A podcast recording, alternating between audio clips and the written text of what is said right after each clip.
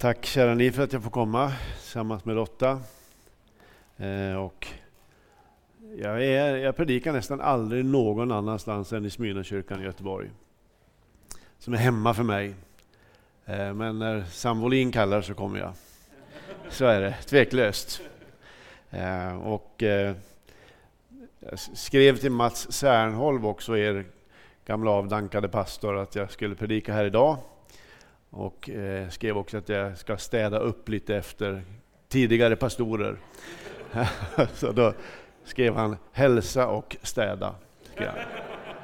Så får vi väl se hur det blir med det. Så jag ska läsa en, eh, en verklig söndagsskolberättelse, kanske en av de där som, som många eh, riktigt unga har haft på sin näthinna och Eh, funnits som väldigt, väldigt spännande. Den finns i Första Samuelsboken, det sjuttonde kapitlet.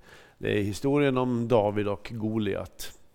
Jag hoppar in lite mitt i den ifrån den 31 versen. Ryktet om vad David hade sagt spred sig och även Saul hörde det och kallade honom till sig. Och David sa till Saul, låt dig inte skrämmas av honom, Herre. Jag är din tjänare och jag ska gå ut och strida mot den där filisten. Inte duger du till att slåss mot filisten, svarade Saul. Du är bara en pojke och han har varit krigare i hela sitt liv. Men David sa, jag har vallat får åt min far. Och det kom ett lejon och tog ett får ur jorden och då sprang jag efter det, slog ner det och ryckte bytet ur käftarna på det och slog ihjäl det. När det anföll mig så grep jag det i manteln och slog ihjäl det. Också en björn har jag fällt och det ska gå likadant för den där oomskurne filisten som det gick för dem eftersom han har skymfat den levande Gudens här. Och han tillade, Herren som har räddat mig från både lejon och björn, han ska rädda mig från den där filisten. Då sa Saul till honom, Gå, Herren är med dig. Och så klädde han David i sina egna kläder och satte på honom en hjälm av brons och en harnesk. Sen spände David fast svärdet utanpå kläderna och försökte gå i rustningen. Det hade han aldrig tidigare prövat. Nej, med allt det här kan jag inte gå, sa han till Saul. Jag har ju aldrig gjort det förr. Och så la han av sig rustningen, han tog sin käpp, valde ut fem släta stenar i bäcken och stoppade dem i sin herdeväska, sin ränsel. Vi ber. Ja, herre, jag tackar dig för att vi har ditt ord att gå till och ösa ur. Och herre, det är intressant att lyssna på varandra och vi har goda och viktiga berättelser. Men ditt ord har en annan kvalitet. Det skapar någonting i våra liv. Det förlöser något i våra liv. Jag ber att det skulle vara att det skulle ske också den här dagen, Herre. Lägger allting i dina händer. I Jesu namn. Amen.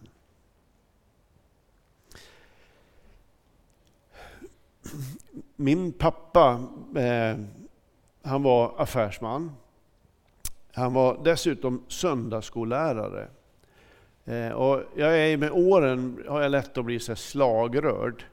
Eh, och jag, jag blir alltid rörd när jag tänker tanken på att min pappa som hade så mycket att göra, att han på söndagskvällarna var tvungen att åka till firman för att jobba med kollektionen, han jobbade med textil. La sina söndagmorgnar i Philadelphia söndagsskola. Sen var han med på förmiddagsmötet eh, och även, det ska jag ärligen säga, även om jag såg att han sov ganska ofta under predikan så var han ändå där. Han la sin tid där. Det, det är min poäng. Min, min, pappa använde eh, den tidens liksom hypermoderna pedagogiska hjälpmedel. Jag tror att ni minns det. Alltså flanellografen denna innovation. Detta var ju, det var ju 60-talets powerpoint eller keynote. Och med tanke nu på att det finns en, en del yngre människor här så, så, ska jag beskriva vad eh, vad, vad flanellograf var för någonting. Det, var, det, var, kan man säga, det bestod av figurer i papp. Eh, de hade en baksida av flanell, flanelltyg som gjorde att de kunde fästas upp på ett filttyg eh, mot en bakgrund som kunde föreställa nästan vad som helst. Eh, på det kunde man då bygga oändlig, en oändlig variation av berättelser. Eh, de här blev modernare och modernare. Och eh, de senaste varianterna av det där, då hade männen hade tweedkavajer, vilket är intressant.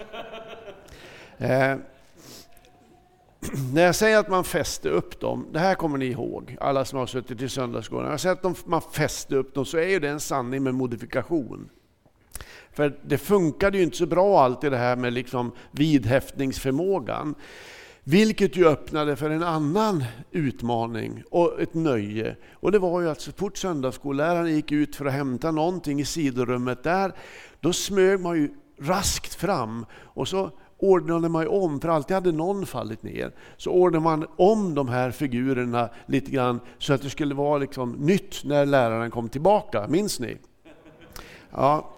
Eh, vilket ju kunde leda till att, att plötsligt så hade man en Simson i krubban i Betlehem, vilket var underhållande. Och man kunde också, i favoritberättelsen, så kunde man ju liksom skjuta ner Goliat så långt så att han blev huvudet kortare än David med slungan. Eh, håll den bilden kvar. Eh, det här var min favorithistoria. Davids seger över Goliat.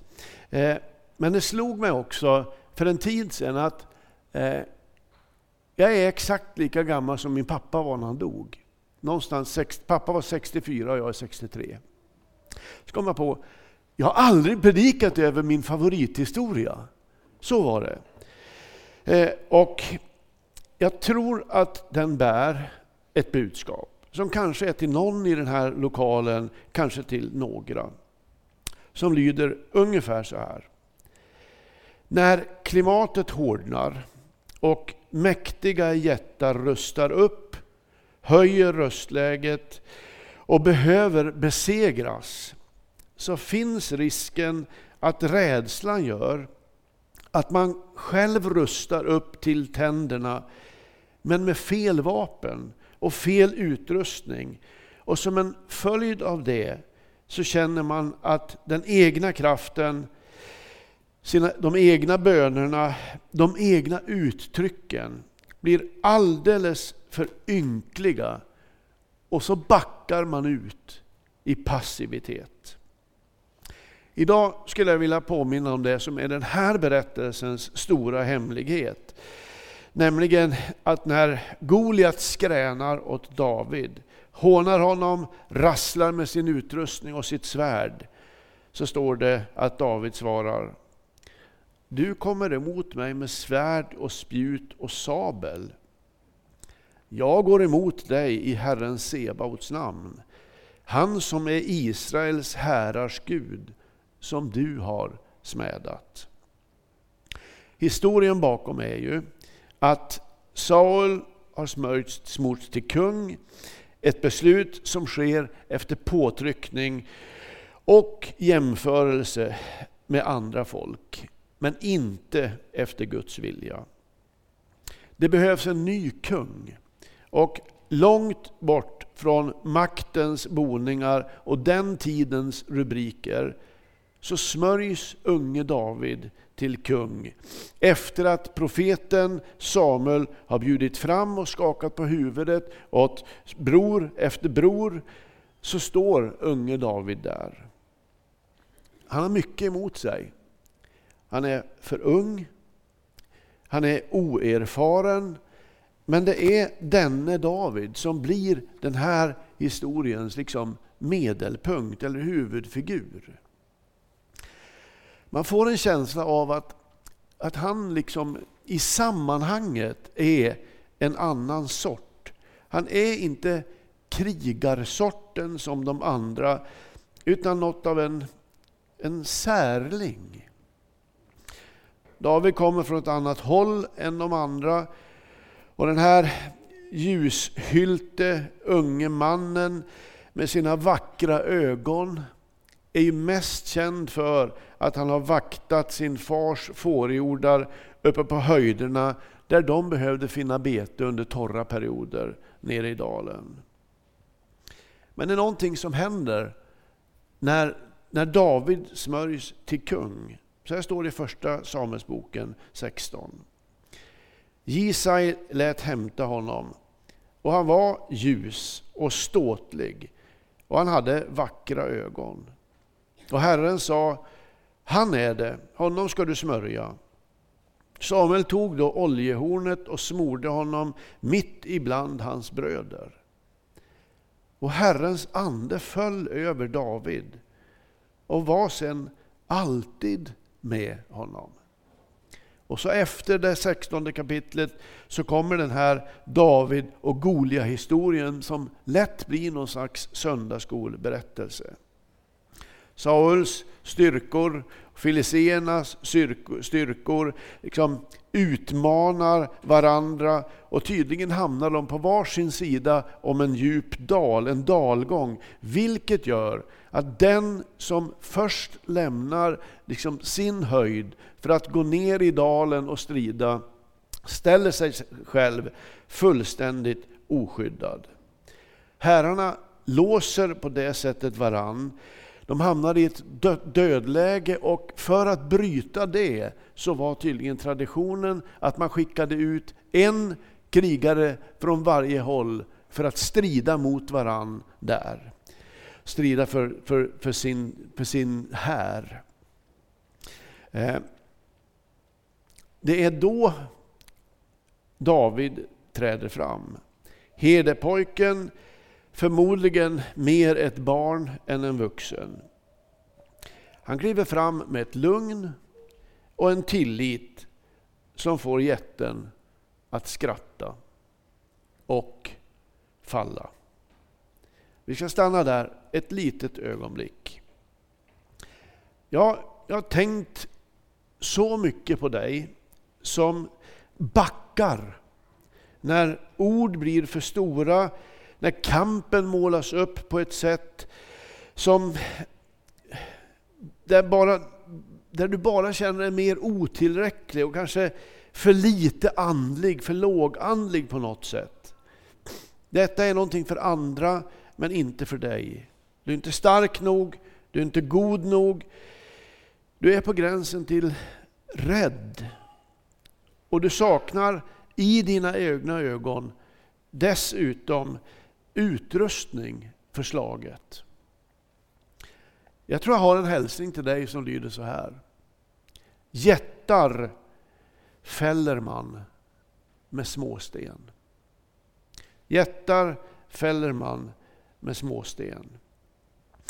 Eh, ett andligt segrande liv är inte främst, om ni frågar mig, en fråga om frimodighet. Det är inte den som låter mest som strider bäst. Det är den som öppnar sig för anden och sen i enkelhet gör det som ska göras, vare sig det är att vakta får eller tjäna som kung. Den som i tillit övar sig i det lilla och använder sin utrustning och på det sättet gör sig redo att liksom kliva fram när det är Guds tid. Det är en fråga om att vi lever i och brukar de gåvor som blev just våra. Inte andras, men just våra. När de andra försöker hänga på David en utrustning som inte är hans utan Sauls, så tar han av sig dem, den och så tar han på sig sina vanliga kläder igen. Jag älskar den bilden. Jag minns den från söndagsskolan. De kläder han var van att ha, de kläder som gav honom rörelsefrihet, det är de kläder han tar på sig. Jag tror att man kan göra kopplingen tillbaka till när anden föll över honom och säga att när anden kommer över oss, när anden faller över oss, så gör ju inte det oss plötsligt till några andra, en annan sort.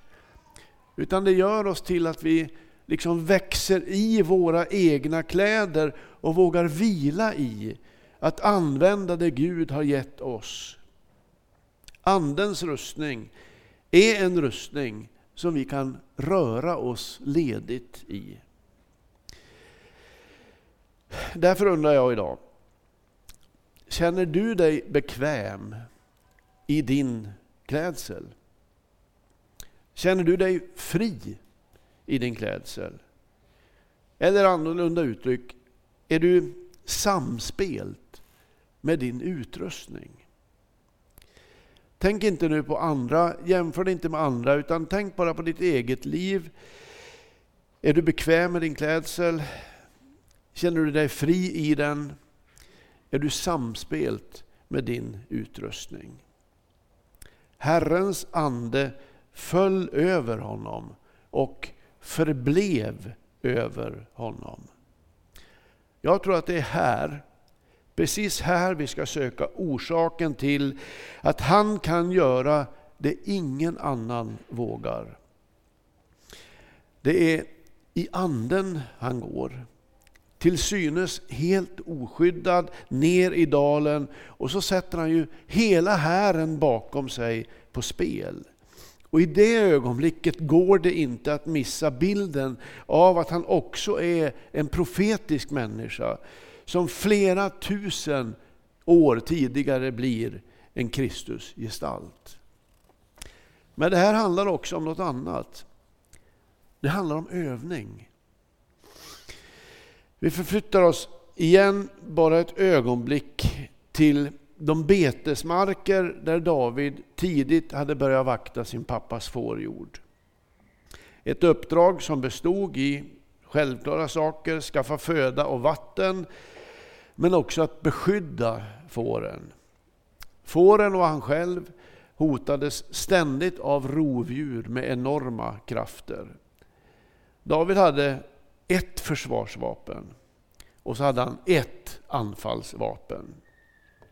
Eh, försvarsvapnet var staven och anfallsvapnet var slungan. Slungan var en någon slags öppen läderpåse med två exakt lika långa snören. I påsen la man en sten och så vevade man liksom runt den här slungan. Jag vet inte om jag beskriver det riktigt relevant. Men man, man vevade runt slungan eh, liksom till exakt rätt ögonblick när man skulle släppa det ena snöret och stenen skulle ge sig iväg som en projektil genom luften. Det sägs att man med en sån här slunga kunde slänga iväg en sten i 160 km i timmen. Och det finns uppgifter som bekräftar att en sten från en slunga kunde nå och fälla ett djur på 150-200 meters avstånd. Och att de dessutom var sån, hade sån precision att man kunde fälla en fågel i flykten. Tänk på detta ett ögonblick. Det här är alltså ingen slangbälla som David har, Sån som vi hade när vi var barn. Utan det här är ett kusligt precisionsvapen. Eh, det var använt i den tidens krigsmakt och det var ett vanligt och fruktat vapen och något som krävde år av träning. Det är lätt att tänka att, att David liksom i någon sån här allmän sån här Kajsa Warg-anda liksom, man, man tager vad man haver. Eh, tittade sig omkring för att se om han möjligen kunde få någonting i händerna som kunde krossa den här jätten. Men så var det ju inte. Det här hade David gjort otaliga gånger. Han hade tränat och tränat och tränat igen tills han var så skicklig att han kunde fälla anfallande djur. Alltså, han kunde sitt vapen. Och han visste var man hämtar ammunition. Ammunitionen var sten. Sten som man inte hämtade var som helst, utan sten som fanns i bäcken lägger man örat mot Bibeln så hör man att det brusar och porlar genom Bibeln. Det finns ett ljud av strömmande vatten. Vattnet är i Bibeln en bild av anden. Vattnet står inte stilla i bäcken, det är i ständig rörelse. Och att leva med anden är att leva i en ständigt pågående förnyelse. Lägg märke till att det står att Herrens ande föll över David och var sen ständigt över honom. Alltså, Andens dop, Andens erfarenhet är inte en engångshändelse som är härlig, utan det är ett förvandlat liv, någonting som sen kommer att pågå. Jag var 13 år Eh, och södra Norrlands blygaste pojk när jag blev döpt i den helige Ande. Det var verkligen ett dop. Eh, jag var på ungdomsvecka i Junsele eh, och jag låg den här natten efter den här händelsen, jag låg i min sovsäck och jag talade i nya tungor tills jag somnade av lycka. Kvällen efter så stod jag med sångarna, sångkören på estraden i Junsele, Philadelphia och sjöng Saliga visshet. Och framför allt den vers som har tagits bort i vår utgåva av Segertoner. Jag tycker att det är förfärligt. Döpt med Guds ande efter hans ord. Saliga visshet, himmel på jord. Eld på min tunga, eld i min barm. Han har mig fyllt med kärlek så varm. Alltså hur kan man ta bort något sånt?